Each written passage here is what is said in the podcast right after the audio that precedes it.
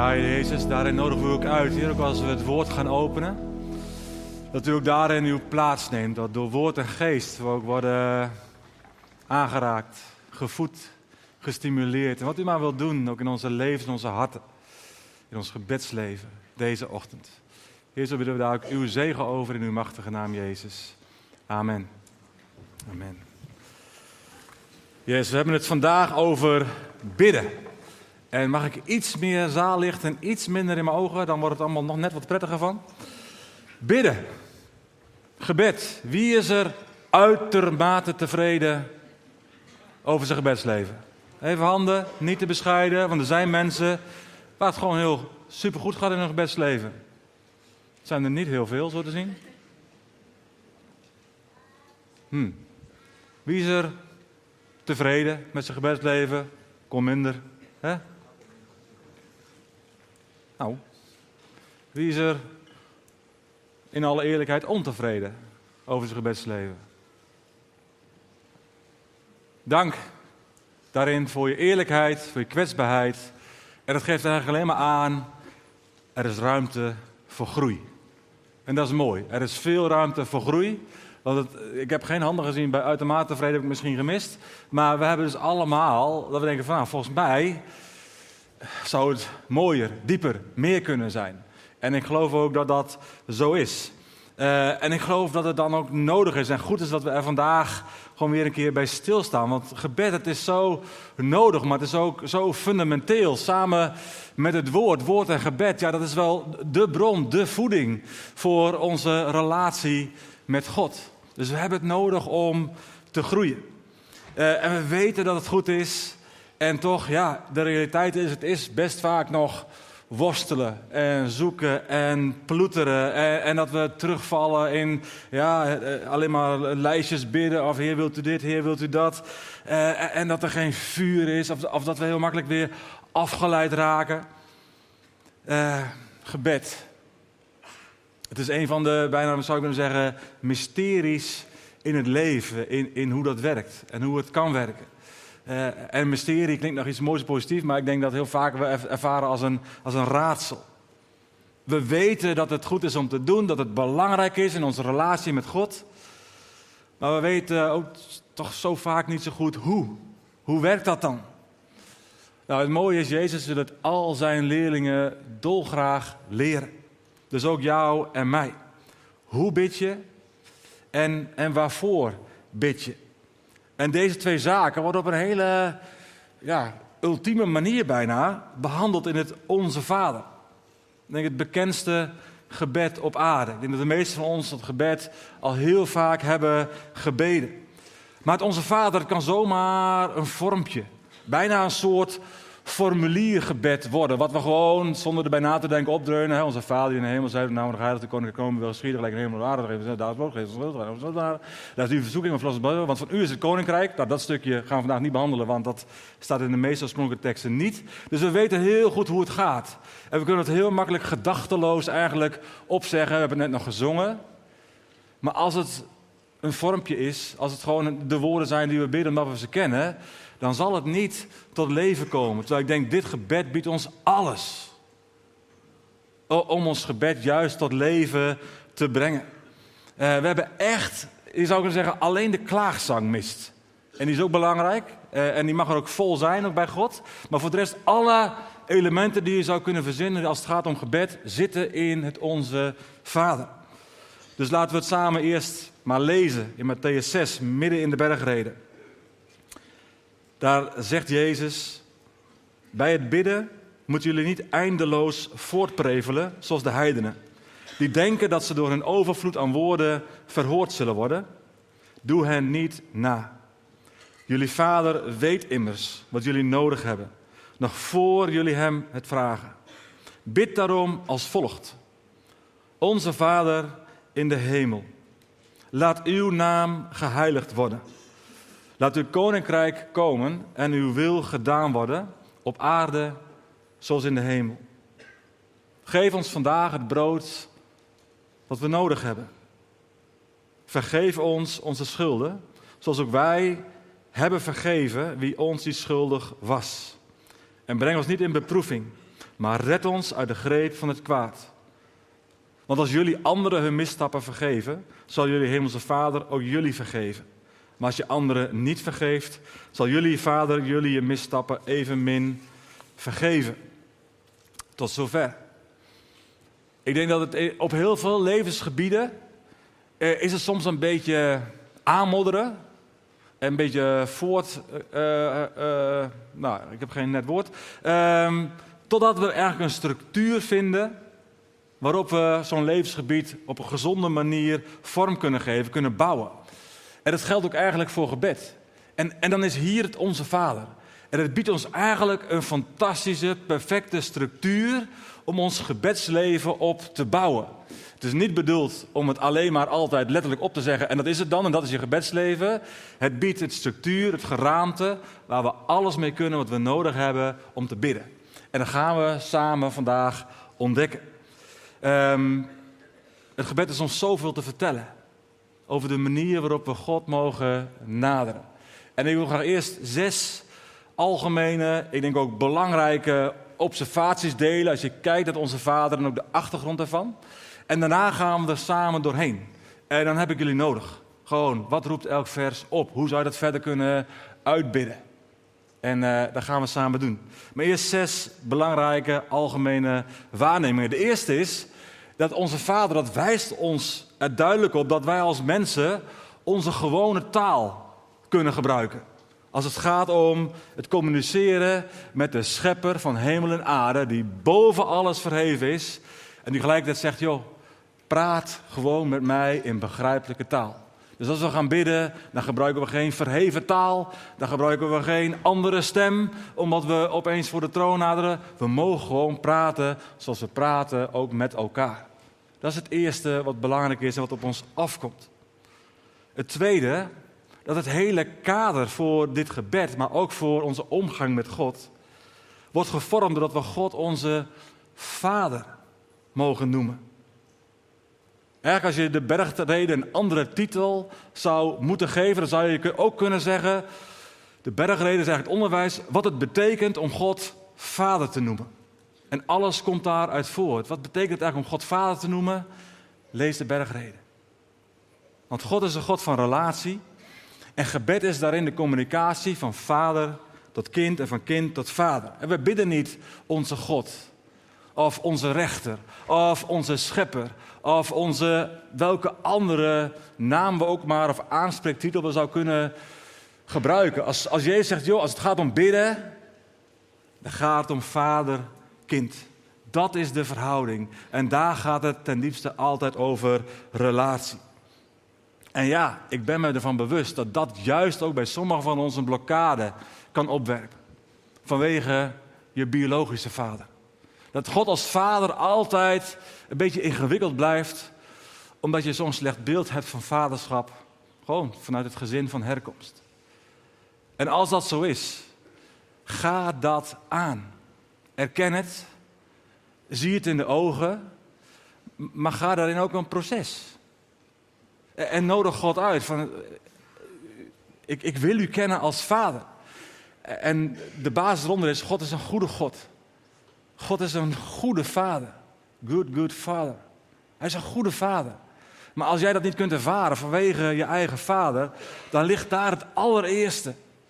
Buiten alle andere dingen op je geloofsgebied, daar ligt het allereerste om een proces te gaan, om samen met anderen misschien te helpen, om te laten bidden, maar misschien ook wel echt even een proces met iemand te lopen via zorg van de gemeente. Van hoe kun je misschien wel van een stukje vaderwond afkomen en daardoor uiteindelijk echt God te kunnen ervaren als vader, als goede vader en jij als zijn geliefde kind. Want die blokkade, die moet weg. En zonder die, als die blokkade niet weggaat, dan zal het altijd afstandelijk blijven tussen God en tussen jou.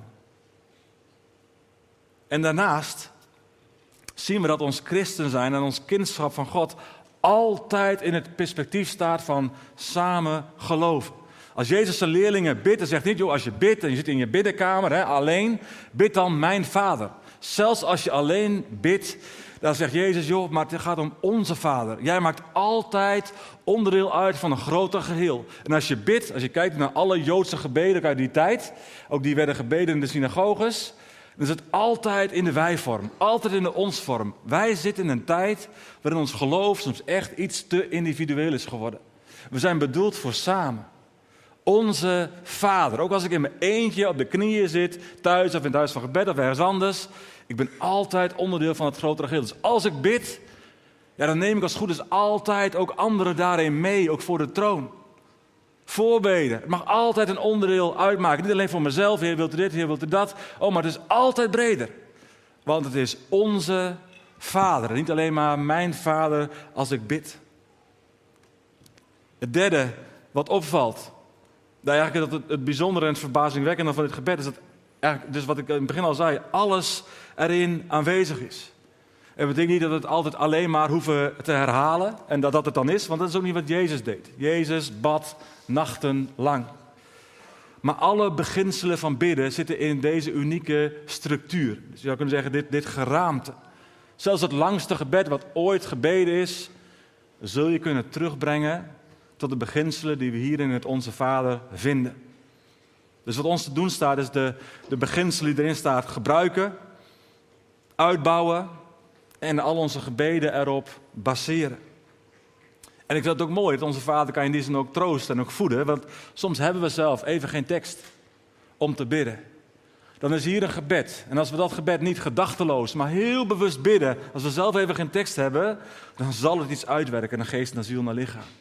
Dus heel bewust deze woorden bidden, omdat we zelf even niks anders hebben om te bidden, bid dan het Onze Vader. In vol bewustzijn in wat je op dat moment bidt. En het zal iets uitwerken in je leven. Vierde observatie. De eerste helft van het gebed draait alleen maar om God. En dat zijn naam, zijn karakter, zijn reputatie, zijn heiligheid, zijn aanwezigheid overal ja, geëerd en ook ervaren zal worden. De volgorde in het Onze Vader is fundamenteel. En blijft altijd fundamenteel als het gaat om gebed. We hebben in gebed eigenlijk altijd te beginnen met een aanroepen, met een prijzen, met een danken voor God. Uitzondering dagen later, als er iemand met koplamp op je afkomt, dan hoef je niet te denken: oh shit, ik moet eerst uh, God aanbidden en heiligheid. Nee, dan is het Heer help. He, dus het ultieme korte uh, uh, noodgebed, dat is kort en dat mag graag en dat mag to the point. Maar voor de rest is het ook voor ons eigen hart zo gezond. Om niet te beginnen met het lijstje van gebedspunten die we hebben voor onszelf of voor anderen. Maar eerst te beginnen bij God. Bij wie Hij is bij waar we hem voor kunnen danken. Dat is natuurlijk in alle gebeden van Paulus. Hij begint al zijn gebeden voor de gemeentes. Er komen allemaal wel dingen voorbij uiteindelijk waar hij voor bidt. Maar hij begint eerst met danken. Eerste focus op wat er is. Eerste focus op God en wat God al heeft gedaan. En dat is fundamenteel, die volgorde. Dus niet te snel. Of niet alleen maar. De focus op jezelf. En wat je zelf ook graag in wil brengen in gebed. Dat mag er zijn. Dat zien we in de tweede helft van Onze Vader. Maar begin alsjeblieft eerst met God, want dat verandert al iets in je hart. En, en, en in je hele gezindheid, als je niet begint bij jezelf, maar begint bij de Vader en wie Hij is. Het vijfde, omdat deze God echt de schepper is. Die houdt van zijn hele wereld, die houdt van al zijn kinderen, mogen we ook alles vragen wat we nodig hebben. Want we mogen weten dat Hij nog meer betrokken is op alles wat ons bezighoudt dan we zelf misschien wel zijn. We mogen alles vragen en hij kan wel goed onderscheiden wat we erin ook echt nodig hebben en wat we misschien denken nodig te hebben. Maar als we dit gebed tegelijkertijd oprecht bidden tot eer van God, dan kunnen we nooit bidden alleen maar voor ons eigen voedsel. Geef ons heden ons dagelijks brood. Als we bidden voor onze noden, dan horen daar eigenlijk automatisch ook de noden van onze broers en zussen bij. Dichtbij, maar ook ver weg. Het kan niet zo zijn dat wij alleen maar bidden voor onze eigen noden. Geef ons ons brood. Terwijl ik misschien brood genoeg heb in de kast, heb ik dan ook te bidden voor broers en zussen die te weinig hebben. En dat ook hun noden mee te nemen in gebed, voorbeden. Het hoort er gewoon zo vol bij. Niet alleen maar de focus op onszelf en mijn eigen kleine ik. Oh, maar Heer. Ja, als ik bid voor mijn noden, dan bid ik ook voor mijn broers en zussen. Die ook diezelfde noden kennen.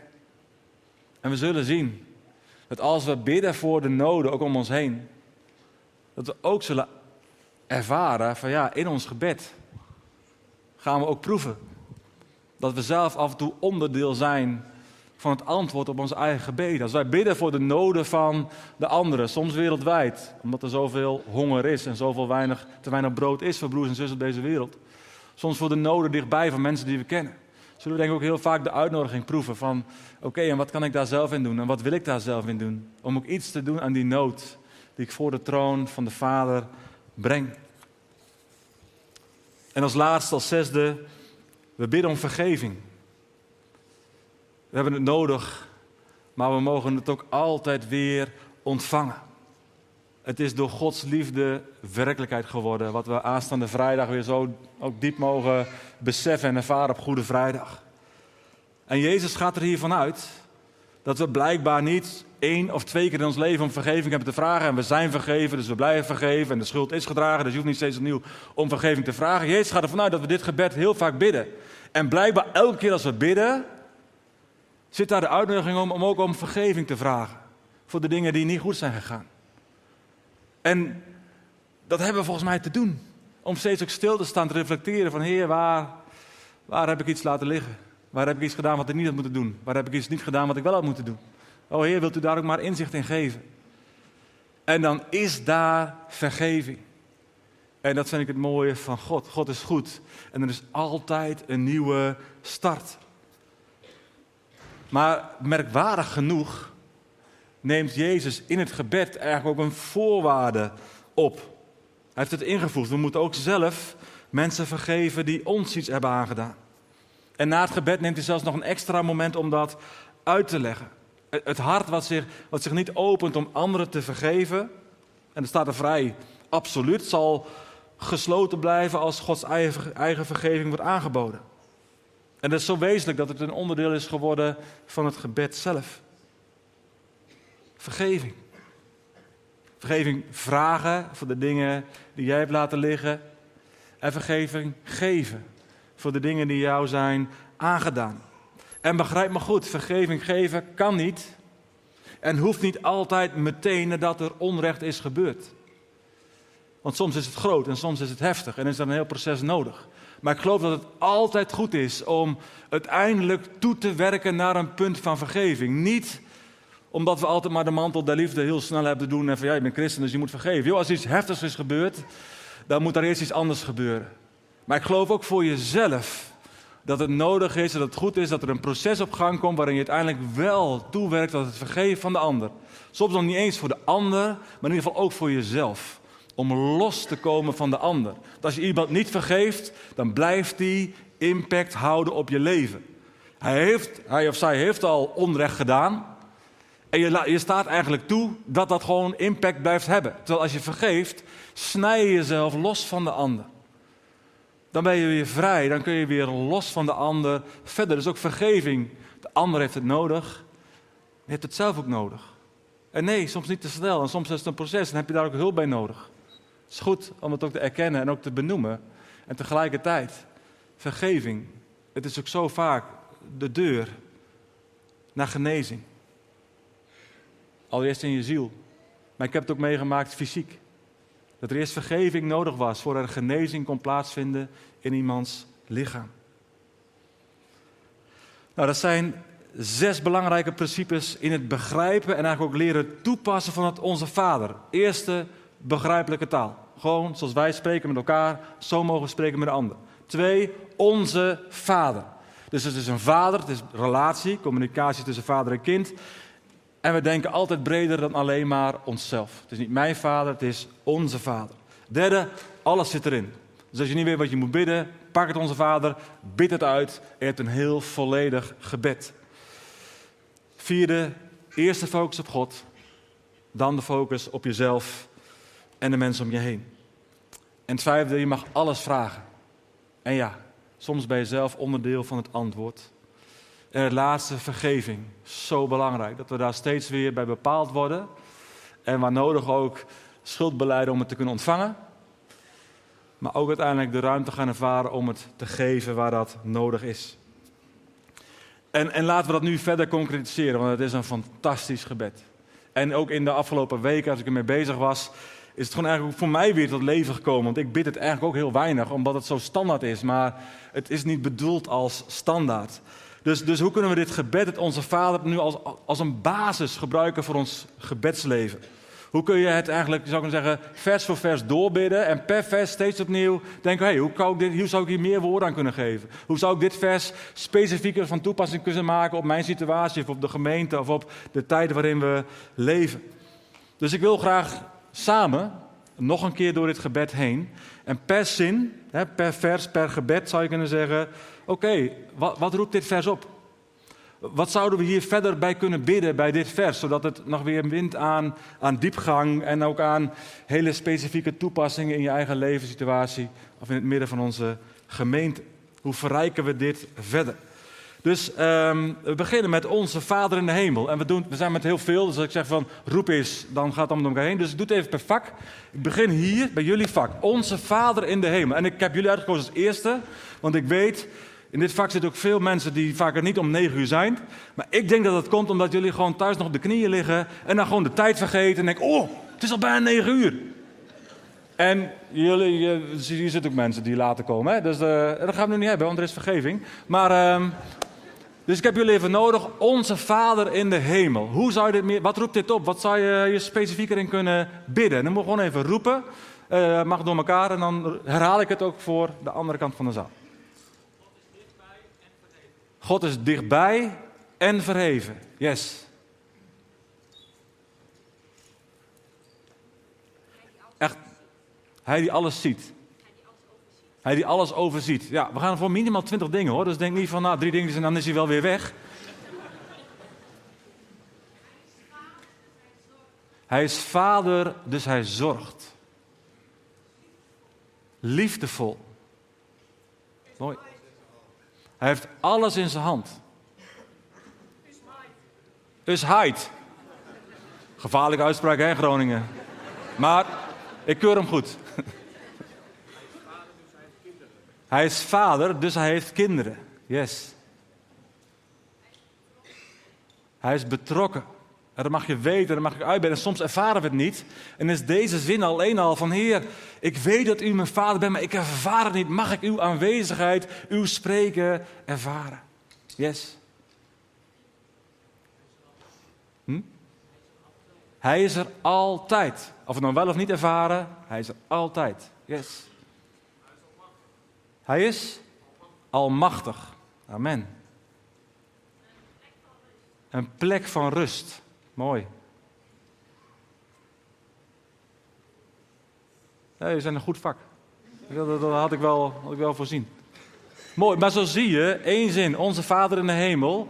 En het kan zomaar, als je er even bij stilstaat en ook samen allerlei associaties oproepen, waarmee je je gebed dus gewoon ter plekke kunt uitbreiden en kunt uitdiepen. Dus één zin, als je zegt God is dichtbij, hoe kun je dat verder uitbidden? Nou, door daar gewoon meer tekst aan te geven en daardoor even op te bezinnen. En dan gaan we gewoon door naar de volgende zin, regel. Laat uw naam geheiligd worden. En jullie zijn met veel, hè? Dus ik verwacht hier ook gewoon heel makkelijk veel antwoorden. Laat uw naam geheiligd worden. Vertel eens, hoe kunnen we dit concreter maken, toepassen, uitbidden, verdiepen? U bent groot. U bent liefde. Machtig. Gebruik mij. Mooi. Dank u voor wie u bent. Kunnen we nog iets met. Doe nog even, splits hem even op. Laat uw naam. Uw naam. Wat is zijn naam? Ja, onder andere. Koning, Jezus, ik ben. Ja, Jezus zegt zeven keer: Ik ben. Ik ben de deur des schapen, ik ben de goede herder, ik ben het licht van deze wereld, ik ben de weg en het leven. En nog een paar. Um, de namen van God, laat uw naam geheiligd worden. Er zijn heel veel namen van God. Het is heel interessant om dat eens te googlen. En, uh, en het op te zoeken. Natuurlijk een woordstudie doen in de Bijbel had ik moeten zeggen. Om een woordstudie te doen in de Bijbel op de namen van God. En daar is bewust van te worden. Ja, want uh, Yahweh Nissi, Yahweh Rafa, Yahweh, uh, al die uit de... Yahweh Kenu, ik heb ze ook eens opgezet. Ik, oh ja, die was ik allemaal vergeten. Maar dat is ook gewoon letterlijk God de genezer. Dat is zijn naam. Als we hem bij zijn naam aanroepen, noemen we hem aan bij alle namen. Dus die namen, die mogen verder uitgediept worden. En soms is er één naam. Ja, Heer, uw naam is dat u herder bent. Dat heb ik zo nodig om te ervaren in deze situatie, in dit, in dit moment. Sorry, ik ga toch weer zelf invullen. Uh, jullie waren. Dus zijn naam, hè, laat uw naam, dat is gewoon uh, veel. En geheiligd worden. Wat betekent, wat, wat kunnen we dat uitdiepen? Dat, dat wij zijn naam uh, tot vervulling laten komen. Dat wij zijn naam... Andere naam die je net opnoemde, wij, hebben wij ook een rol. Yes. Wij zijn uiteindelijk de, het lichaam van Christus. Dus zijn armen, voeten, mond, hart, ogen. Uh, dus wij mogen ook zijn naam tot uiting laten komen. Yes. En Heer, hoe mag ik dat vandaag doen? Kan het gebed zijn, s ochtends als je het ondervaard bent? Hoe kan ik uw naam vandaag heiligen? Te midden van mijn collega's, studiegenoten, whatever. Mooi, meer. Proclamatie in eenheid. Proclamatie in eenheid? Of, ja.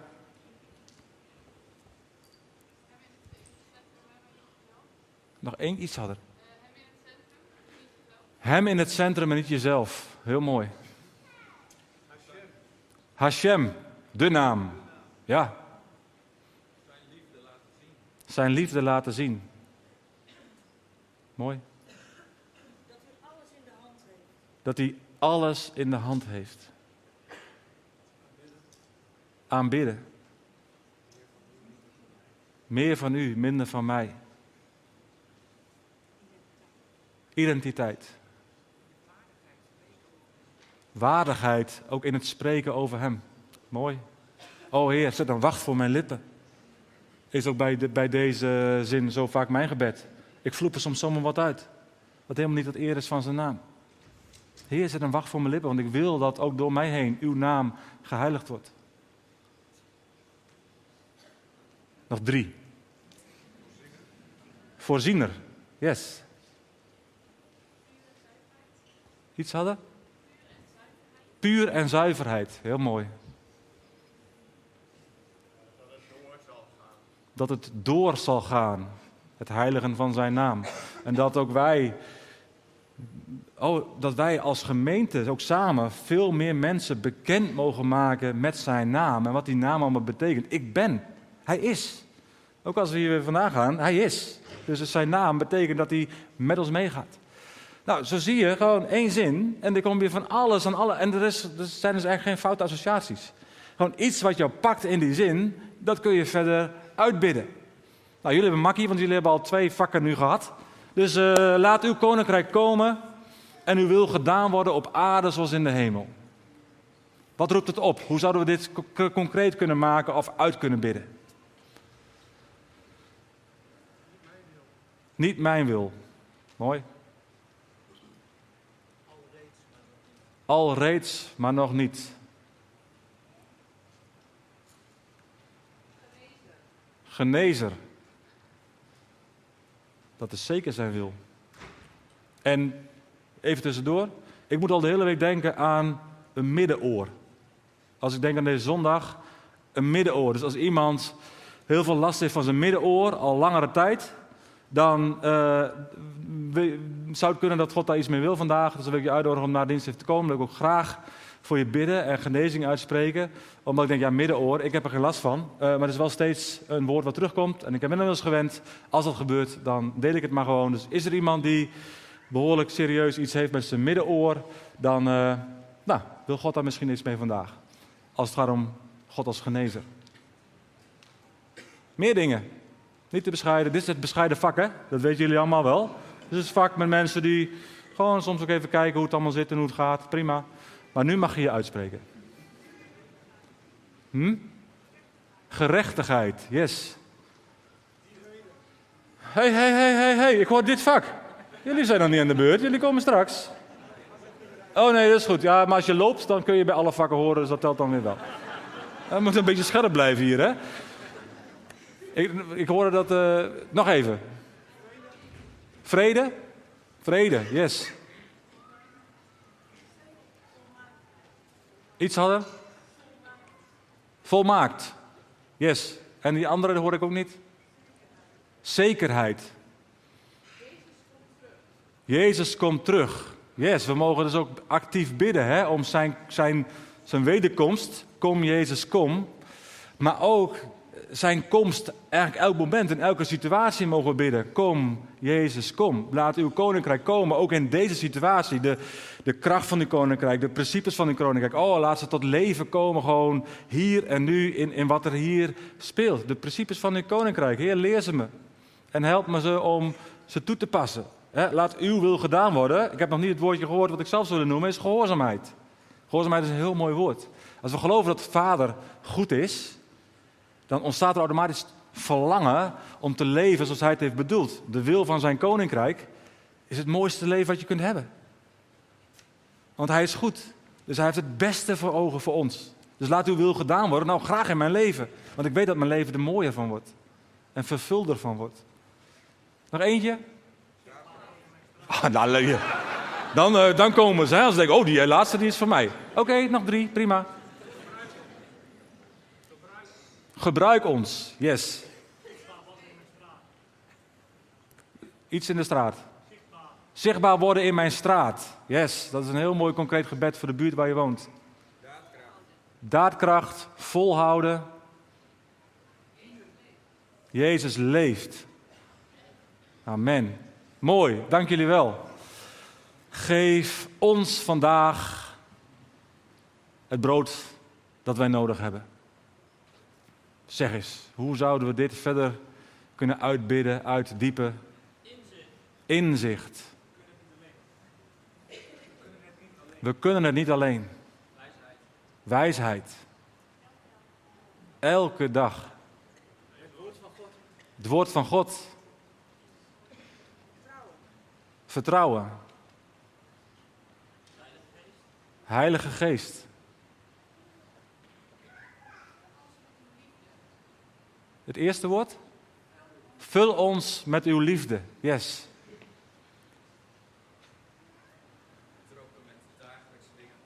Betrokken bij de dagelijkse dingen. Energie. Geen zorgen over morgen. Mooi. Iemand zei nog iets? Geef ons Jezus, Hij alleen.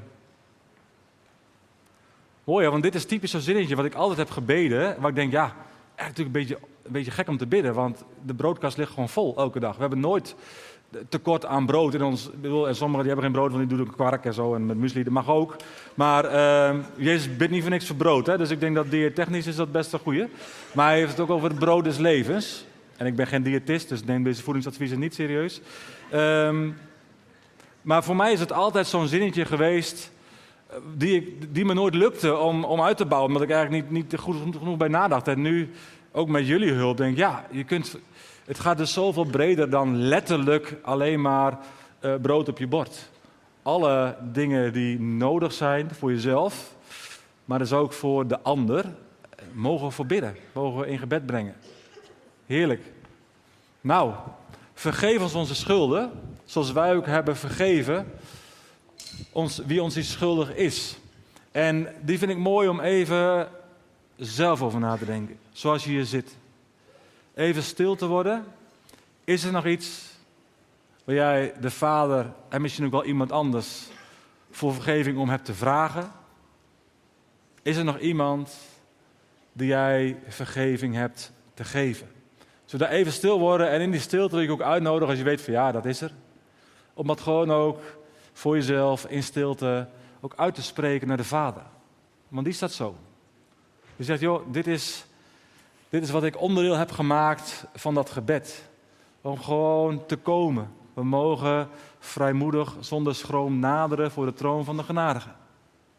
Om vergeving te ontvangen. Maar ik geloof dat het ook weer goed is om het uit te spreken waarvoor we het nodig hebben. Dus denk even na en bid het uit. En neem je ook voor van hier, als je daarin nog iets te herstellen hebt, of herstel hebt aan te bieden, om dat ook te doen naar deze dienst.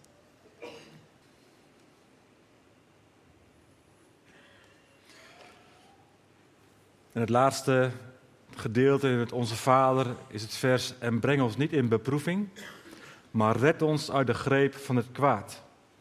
En hier kun je beproeving zien als soms de uiterlijke verdrukking, de omstandigheden die ingewikkeld zijn, die op je drukken. Eh, maar ook innerlijke aanvechtingen. Gewoon in je, in je hartsgesteldheid, in je gemoedstoestand. Ehm, uiterlijke omstandigheden, innerlijke aanvechtingen waarvan je weet van hé, hey, als ik niet alert ben, kan het ook zomaar betekenen dat ik ergens val in zonde. Dat ik ergens een pad op ga wat helemaal geen heilloze weg is. Eh, om maar uit die omstandigheden te zijn, om maar niet die aanklacht te hoeven horen, whatever. Dus dit, dit gebedsregel roept je ook op om alert te zijn, om jezelf te onderzoeken, om ook God te vragen: maar wat zijn dan de zwakke plekken in mijn hart, in mijn denken?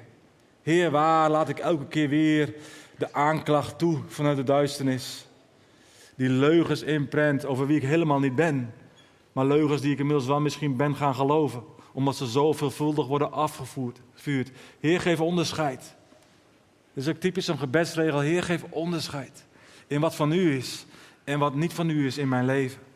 In mijn denken, Heer, wat zijn de leugens in mijn denken? En help ons om te vervangen door uw waarheid.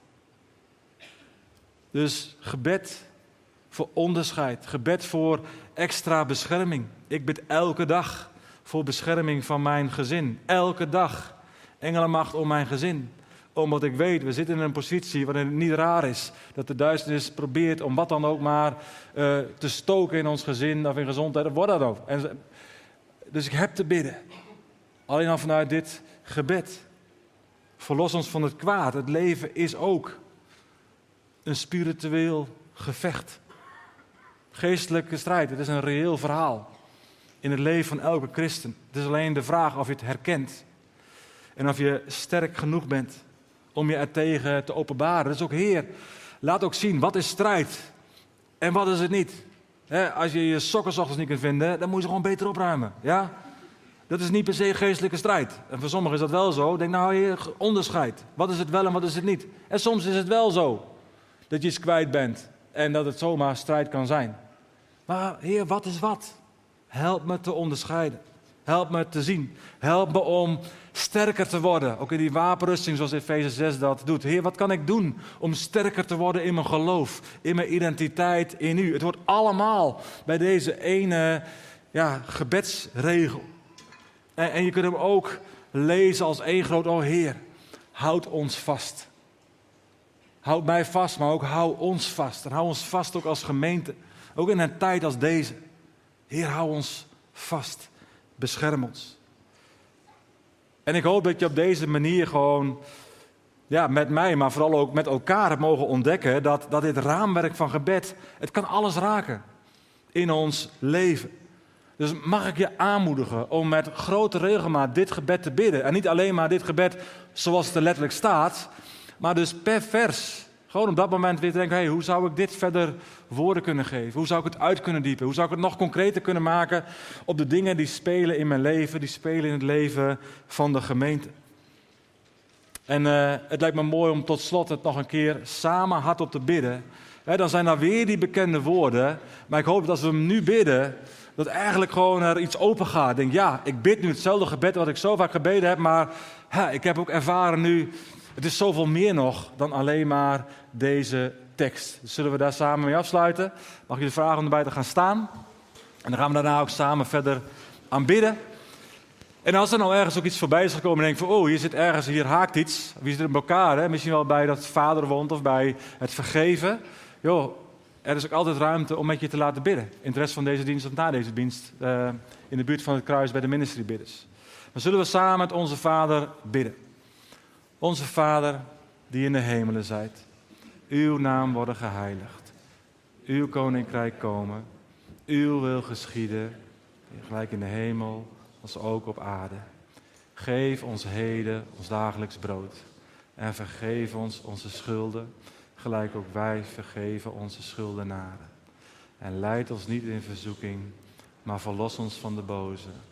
Want van u is het koninkrijk en de kracht en de heerlijkheid tot in eeuwigheid. Amen. Amen.